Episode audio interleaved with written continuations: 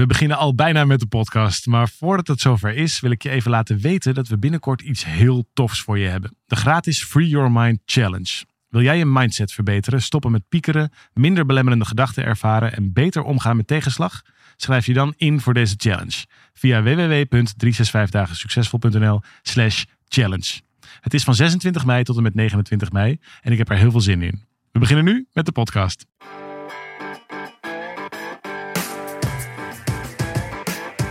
Van harte welkom bij deze podcast van 365 dagen succesvol. Wij zijn David en Arjan en we delen in deze podcast de eye-openers die cruciaal zijn voor een gelukkiger leven.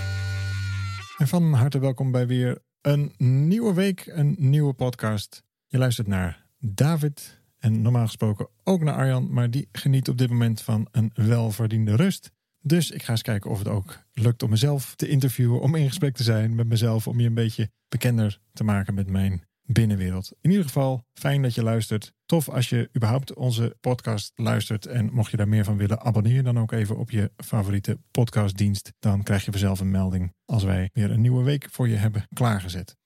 Nou ja, en dan terugkijkend op de afgelopen week. Als je kijkt wat er allemaal gebeurd is met de toespraken van onze feodalen, onze, de regering, de, de, de mensen die daarover gaan. Dan heeft dat natuurlijk zo best wel zijn impact. En ook bij ons. Als je, als je kijkt naar ja, wat, wij, wat wij doen, je weet ongetwijfeld dat onze missie is om uh, van Nederland het gelukkigste land van de wereld te maken. Dat hebben we uh, later ook zelfs nog aangepast in samen maken we van Nederland het gelukkigste land van de wereld. Dus ja, als je dan kijkt naar de situatie waar we dan nu in zitten, dan zie je eigenlijk, soort van onbedoeld natuurlijk, maar zie je eigenlijk twee kampen ontstaan. Je ziet een, um, een kamp ontstaan wat het, wat het ermee eens is. Ik las uh, de statistiek in de Telegraaf. Ik weet dan niet hoe betrouwbaar dat is, maar in ieder geval stond in de krant. 48% van de mensen is eigenlijk voor de extra maatregelen, is ook voor het eventueel dragen van een mondkapje, et cetera. En dan ook 48% van de mensen is ongeveer tegen deze maatregelen. Die vindt dat het vrijheidsberoving is enzovoort. En dan is er nog zo'n 4% die gewoon niet weet, die, die dan niet heeft gestemd of daar nog een mening over moet vormen of zoiets. Nou ja, even los van hoe serieus deze cijfers zijn. Het is wel interessant dat het dan zo'n tegenstelling wordt. Dat het twee kampen zijn. Nou, ook, ook ons benaderen natuurlijk dit nieuws en we hebben er ook naar gekeken. En nou ja, op verschillende plekken in onze programma's waren we natuurlijk al online, deels online of volledig online. Maar ja, we hebben ook nog zoiets als uh, de Eagle Lodges. Nou, daar, daar, dat is gewoon een buitenterrein waar we natuurlijk mensen ontvingen in de zweethut. En ook daar hebben we gekeken naar hoe kunnen we nou dit soort ja, nieuwe regels, hoe kunnen we het nou in ieder geval zo zo veilig mogelijk maken. En een interessante discussie die dan ontstaat is: ja, moet je dat dan wel of niet met een mondkapje doen? Moet je dat dan wel of niet überhaupt allemaal heel strikt nemen? Of zit daar nog wel een soort van, van rek in? En wat ik nou zo interessant vind aan, aan deze discussie. Sowieso ik, ben ik benieuwd of je in het voor- of in het tegenkamp zit. In ieder geval even nu in je, in je eigen denken. Misschien voel je het ook meteen al van ja, nee, maar het is toch onzin. Die, die mondkapjes, dat is toch onzin, al dat soort regels. Het is verdorie een, ehm, uh, de, de, het mortaliteitscijfer van, uh, van het coronavirus is notabene lager dan van een normaal griepseizoen. Dus waar maak je je druk over? Nou, dan zit je in, in, in kamp 1. En dan heb je nog uh, het andere kamp. En die vinden van ja, er zijn mensen die daarvoor doorgeleerd hebben. Daar kun je helemaal geen verstand van hebben als, als leek. Dus luister vooral naar de, naar de mensen die daarvoor doorgeleerd hebben. En dan zit je even in kamp 2. Ik ga er altijd vanuit met dat soort dingen dat in ieder geval de mensen die achter dit soort beslissingen staan, dat ze zelf ook het gevoel hebben dat ze een juiste beslissing nemen. Dat ze dit doen met, met een zuivere overtuiging. Dat wil nog niet zeggen dat het altijd goed uitpakt, dat ze het ook altijd goed hebben. Iedereen maakt fouten en zeker op dit soort, ja, op dit soort grote besluiten, dan, dan, weet je natuurlijk ook zeker dat heel veel van dit soort besluiten achteraf gezien helemaal niet zo effectief waren. Maar ja, je moet het natuurlijk wel gaan doen in de vaart der volkeren met de middelen die je hebt. Dus ik ga er even vanuit dat, dat het altijd een zuiver besluit is. En zo ook voor kamp. Eén, als je daar heel kritisch over bent, dat, dat dat ook heel zuiver is. Dat je ook zoiets hebt van, nou, dat voel ik echt en dat vind ik ook echt en, en, en nou, enzovoort. En dus dat, we, hebben het hier even niet over integriteitsissues, maar we hebben het hier gewoon over meningvorm. Dus dan weet je nu van jezelf, zit ik in kamp 1 of zit ik in kamp 2? En ik heb mezelf natuurlijk ook die, die vraag voortdurend gesteld. We zijn best wel in het begin uh, daar, daar over een half jaar geleden met elkaar over in gesprek geweest. En uh, Arjan en ik zijn elkaar ook daar zelfs wel eens in tegengekomen. Van ja, ik neig wat meer naar het ene kamp. En uh, Arjan neigde dan wat meer naar het andere kamp. Maar eigenlijk toen we er wat dieper over nadachten. Toen, toen kwamen we veel meer op een derde optie. Op een alternatief. We hebben het hier ook wel eens besproken. op iets wat, wat eigenlijk helemaal niet zo, uh, of sterker nog, ik hoor er helemaal niets over, helemaal niet besproken wordt.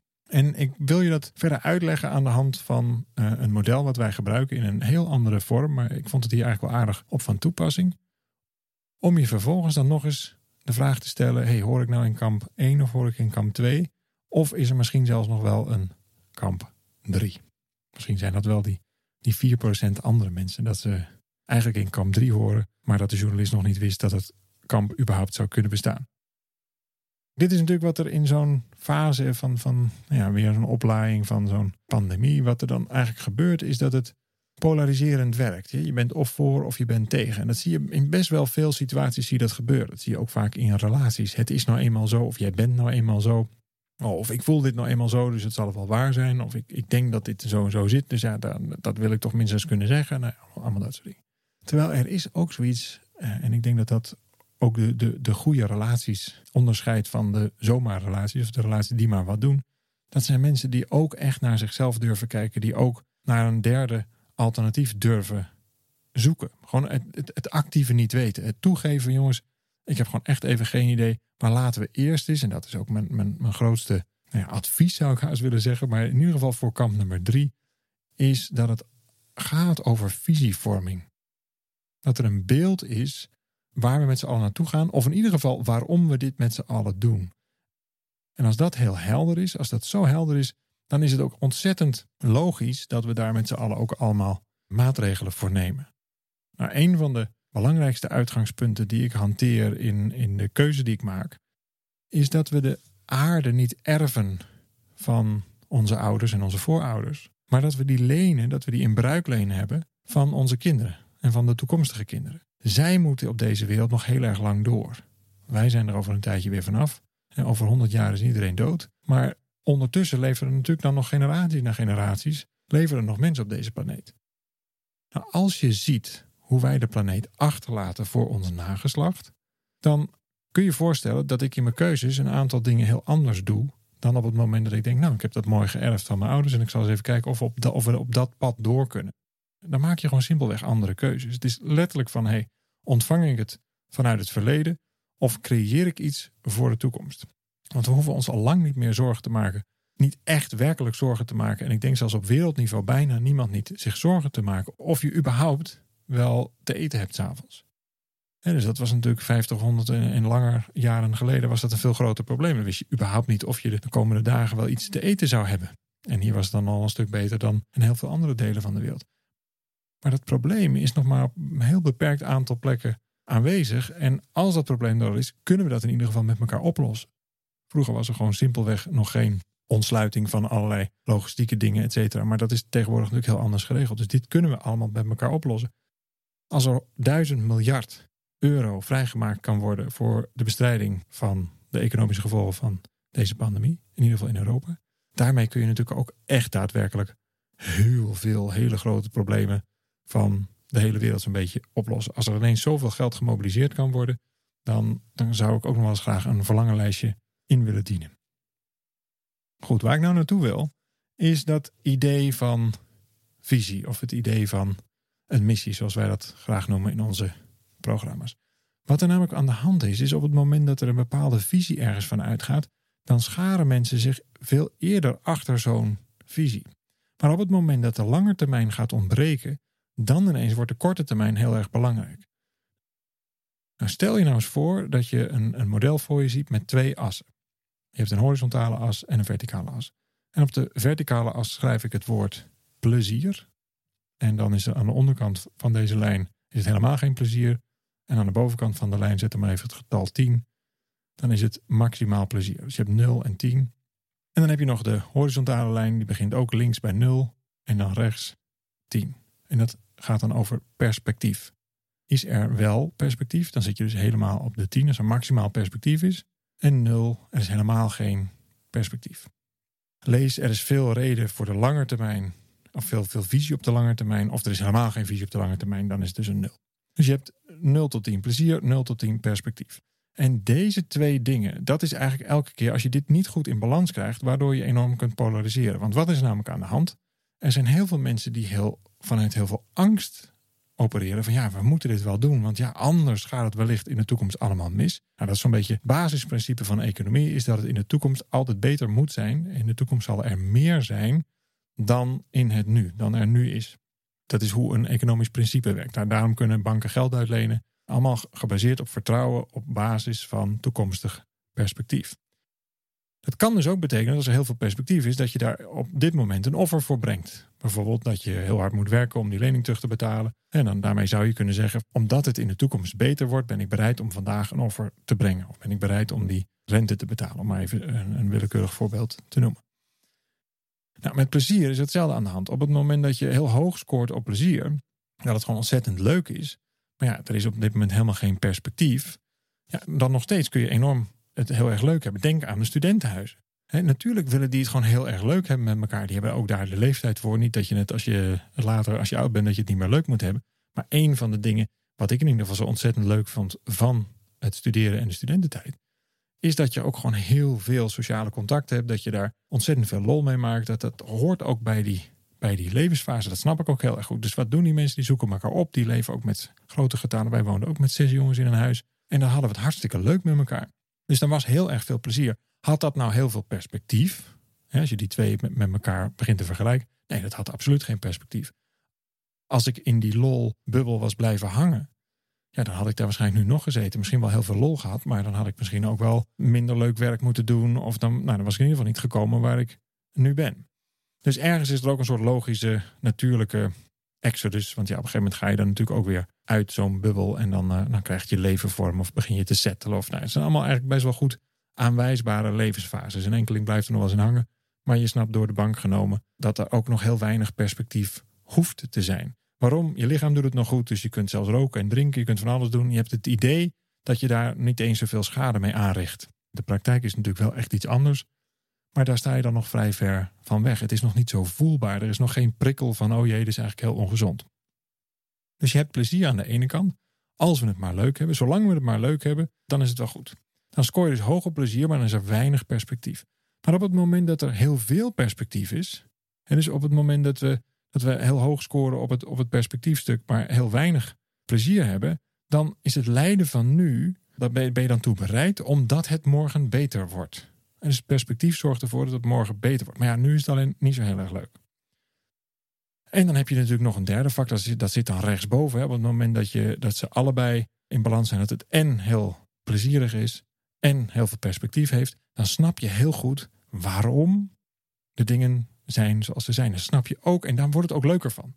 Dus op het moment dat ik met heel veel plezier aan het werk ben, omdat ik ook weet, hey, dit heeft ook nog eens heel veel perspectief. Als je die twee werelden samenbrengt, ben je eigenlijk onstopbaar geworden. Zo krijg je ook grote meutes achter best wel grote doelen. Wat is er echter aan de hand? In ieder geval als ik elke keer naar die persconferenties kijk en als ik, als ik zie hoe het ons wordt medegedeeld, daar zit heel weinig plezier in. Sterker nog, er worden hele zware woorden gebruikt. Was je handen kapot en dat soort dingen. Dat is dus helemaal niet leuk. Het is onbegrijpelijk dat dat soort taal ook wordt gebruikt. Dus het plezier begint enorm te dalen, voor zover het er al niet was. Want dat, dat was er natuurlijk helemaal niet. Maar er wordt helemaal niet ingezet op plezier. Af en toe is een versoepeling, maar dat kwam dan omdat het eventueel kon. Maar er zit niet echt een strategie in van hey, laten we dit ook plezierig maken met elkaar. Eerder andersom. Nou, dat kun je ook heel anders doen. Maar veel belangrijker, er zit ook nog eens geen perspectief in. Het perspectief is het voorkomen van een tweede golf. Dus het is eigenlijk van oké, het perspectief is dan van we moeten uh, ervoor zorgen dat we niet nog een keer in die ellende komen. Want dan is dat slecht voor de economie. Of want dan dit en dit. Want we moeten de ouderen beschermen. Dat lijkt wel perspectief. Maar dat is eigenlijk helemaal geen perspectief. Want als dat namelijk al zo zou zijn geweest, had iedereen zich wel aan die regels gehouden. Het is dus en niet leuk, in ieder geval niet voor de meeste mensen, en het is te weinig perspectief. En waar kom je dan? Dan kom je links onderuit in die confrontatiematrix die ik je nu zo voorspiegel. Het is namelijk en niet leuk en er is heel weinig perspectief. En daar, in dat vak, heb je eigenlijk, zoals wij dat dan uh, zeggen, ook als je dit uh, op andere situaties toepast, heb je eigenlijk geen leven dan gaat je kwaliteit van leven zo hard achteruit dat het eigenlijk nergens meer over gaat. En wat krijg je dan? Ja, dan krijg je ineens schuimbekkende, woedende mensen die vinden dat hun vrijheid is afgepakt, enzovoort, enzovoort, enzovoort, enzovoort. Want het is namelijk één niet leuk en er is geen perspectief. En dan komen er allerlei extra gevoelens boven. Nou, leg dit maar eens op je relatie bijvoorbeeld. Als een relatie heel plezierig is, nou, dan heb je heel veel bereidheid om door te gaan. Maar als het alleen maar leuk is, maar het heeft heel weinig perspectief. Op een gegeven moment wil iemand bijvoorbeeld de wereld verkennen, of wil een gezin stichten, of wil van baan veranderen, of wil een andere plaats gaan wonen, ik noem maar wat. Maar er zit geen perspectief in, dan zal uiteindelijk ook zo'n relatie het niet redden tot een hele lange, verdiepende relatie. Maar op het moment dat er alleen maar perspectief is, ja, morgen wordt het beter even die studie nog afmaken, maar dan gaan we het zo leuk hebben. Of als we nou maar genoeg geld hebben, dan kunnen we een autootje kopen, en zijn we een stuk vrijer. En dan zal die relatie ook wel een heel stuk beter gaan. Dan haal je de lol haal je er enorm uit. Dus een offer eigenlijk te groot. Ook die relaties redden het over het algemeen. Nou, welke relaties redden het dan heel erg goed? Dat zijn de mensen die en heel veel plezier hebben met elkaar. En dus dat het op een prettige manier, op een aangename manier met elkaar gaat. Dit gaat dus heel erg over cultuur. Het gaat over de waarden die je met elkaar deelt. En dat er ook heel veel perspectief is. Dat je samen hebt besloten, of samen ontdekt, dat is eigenlijk beter. Waar willen we dit nou naartoe brengen? Je bent met z'n twee een stuk sterker dan in je eentje. Je kunt met z'n twee ook heel veel meer. Nou, op het moment dat je dat goed op elkaar afstemt, dan krijg je een relatie die ook echt van twee kanten af enorm begint te bloeien. Dan zit je rechtsboven. Wij noemen dat een superrelatie. Maar op het moment dat er heel weinig plezier is in een relatie en geen perspectief, dan heb je natuurlijk geen leven. Dan is er geen enkele reden om bij elkaar te zijn. Dan sterker nog, dan gaat er natuurlijk één en waarschijnlijk allebei gaan allerlei extra emoties oproepen en kom je dus in conflict. Want het gaat namelijk nergens heen en het is ook nog eens niet leuk. Nou, leg dit dan nog eens op de situatie waar we nu in zitten met z'n allen. Er is bijzonder weinig plezier, het wordt steeds ingewikkelder en er is geen perspectief. Dus wat zouden we nou met z'n allen moeten doen? Visie maken. Veel meer het gaan hebben over waarom doen we dit nou met elkaar. En er is één heel groot argument waarom we dit wel met z'n allen zo zouden moeten doen, maar dan op een hele andere manier. En dat zit hem in de toekomst voor onze kinderen. Stel dat het zo is dat we de aarde niet erven van onze voorouders, maar dat we hem lenen van, van de, de kinderen van de toekomst. Van onze kinderen, kleinkinderen, achterkleinkinderen. En als je dan nog eens goed kijkt wat er nou werkelijk ten grondslag ligt aan deze en ook alle volgende grote problemen die de mensheid tegen gaat komen. Dat is niet een virus waar een vaccin tegen moet worden ontwikkeld. Dat is hoe wij omgaan met de planeet. Dat wij onszelf zo verheven voelen boven alle dieren, boven alle bomen en de planten en de vissen. We, beginnen ons als een soort godheid te gedragen. En daar slaan we volledig de plank mis. Het is één ecosysteem waar wij gewoon een integraal onderdeel van zijn, waar we zelfs niet uit kunnen. Wij zouden niet overleven op een andere planeet. We zouden niet overleven op de maan. En zelfs als dat wellicht in de toekomst wel kan, dan is dat toch gewoon ongelooflijk droevig. Want het had hier namelijk wel gekund. Er is één kaart en die hoor ik nooit, maar die kun je spelen. En ik denk dat dit bij uitstek de beste kans is, het beste moment is om deze kaart te spelen. laten we nou met elkaar ervoor zorgen dat we niet deze crisis proberen te overwinnen en weer door kunnen zoals het daarvoor was. Lees, we douwen er een injectie in en iedereen kan weer verder. Dat is geen echt perspectief. Dat is een vals perspectief. Want als je kijkt naar wat ons dan nog te wachten staat, er staat nog iets veel, veel groters. Ons staat nog iets veel, veel groters te wachten. Dat weet ik heel erg zeker. Kijk maar naar hoe we georganiseerd zijn. Kijk maar naar hoe we met de natuur omgaan. En dit is de natuur waar onze kinderen straks niet alleen in willen wandelen en een beetje plezier in kunnen maken. Dat is het water wat ze moeten drinken. Dat is het eten wat ze moeten eten. Dat is de lucht die ze ademen. En op het moment dat we dat als uitgangspunt nemen, laten we dit met elkaar doen om onze kinderen, kleinkinderen, achterkleinkinderen een hele andere wereld na te dragen, te geven dan wat wij nu met z'n allen hebben gecreëerd. Dan ineens, en daar kan nog een veel groter en nog een veel pakkender verhaal omheen, begrijp me niet verkeerd. Dit, is niet, dit zijn natuurlijk niet de slogans als samen tegen corona. Dat is dom. Dat is echt dom. Terwijl op het moment dat je een goede slogan bedenkt die ook uit drie woorden bestaat, want dat zit in de massapsychologie, als je maar een zin maakt uit drie woorden, dan gaat iedereen het onthouden. Nou goed, dan gaan we een drie woorden zin maken, maar dan vanuit een visie. Want op het moment dat je daar een massa achter krijgt, en ik hoop echt dat als mensen wakker worden dat het groter is dan die 48%, ik ben ervan overtuigd dat het kan. Dat als meer dan 58%, meer dan de helft van de mensen meegaat in het idee, laten we de wereld mooier achterlaten. Daarvoor hebben we een aantal hobbels te nemen. Daarvan eentje, de pijn is nu enorm voelbaar. En het voordeel van een voelbaar stukje pijn is dat je wel moet bewegen. Niet alleen dat je de bereidheid hebt om te bewegen, maar je moet wel bewegen. Nou, dan zitten we middenin. Het moet wel, want dit is onhoudbaar. Dit kan zo niet blijven. Ik weet ook niet welke kant op. Ik weet daar allemaal veel te weinig van. Maar ik weet wel dat op het moment dat mensen de visie voelen, horen en dat dan gebruikt wordt als manier om iedereen een bepaalde kant op te krijgen, dan heb je toch één prachtige troef. En waarom hoor ik daar niks over? En die troef is: laten we de wereld mooier achterlaten dan wij hem hebben aangetroffen. En het interessante is: dit kan. Als je duizend miljard kan vrijmaken om dit voor elkaar te fietsen, om dit te overwinnen, dan kun je echt nog wel een, een aantal andere dingen bedenken die een stuk effectiever zijn en een stuk meer zin geven ook dan wat we nu met z'n allen aan het doen zijn. Het gaat niet over het redden van de economie. Het gaat zelfs niet over het eronder krijgen van golven. Het gaat over het nalatenschap wat wij met z'n allen aan het doen zijn. Als mensen daarop wakker worden, dan krijg je een heel ander soort samenleving. En dan ben ik bereid om heel veel minder dure boodschappen te doen. Heel veel minder op vakantie te gaan en al dat soort dingen. En al die dingen die moeten we natuurlijk ook gewoon met z'n allen doen. Omdat dat offer namelijk het enige offer is wat kan niet anders als je je hart op de goede plek hebt, dat je het ook zo voelt. Dat je de wereld mooier achter wil laten voor iedereen die na ons komt.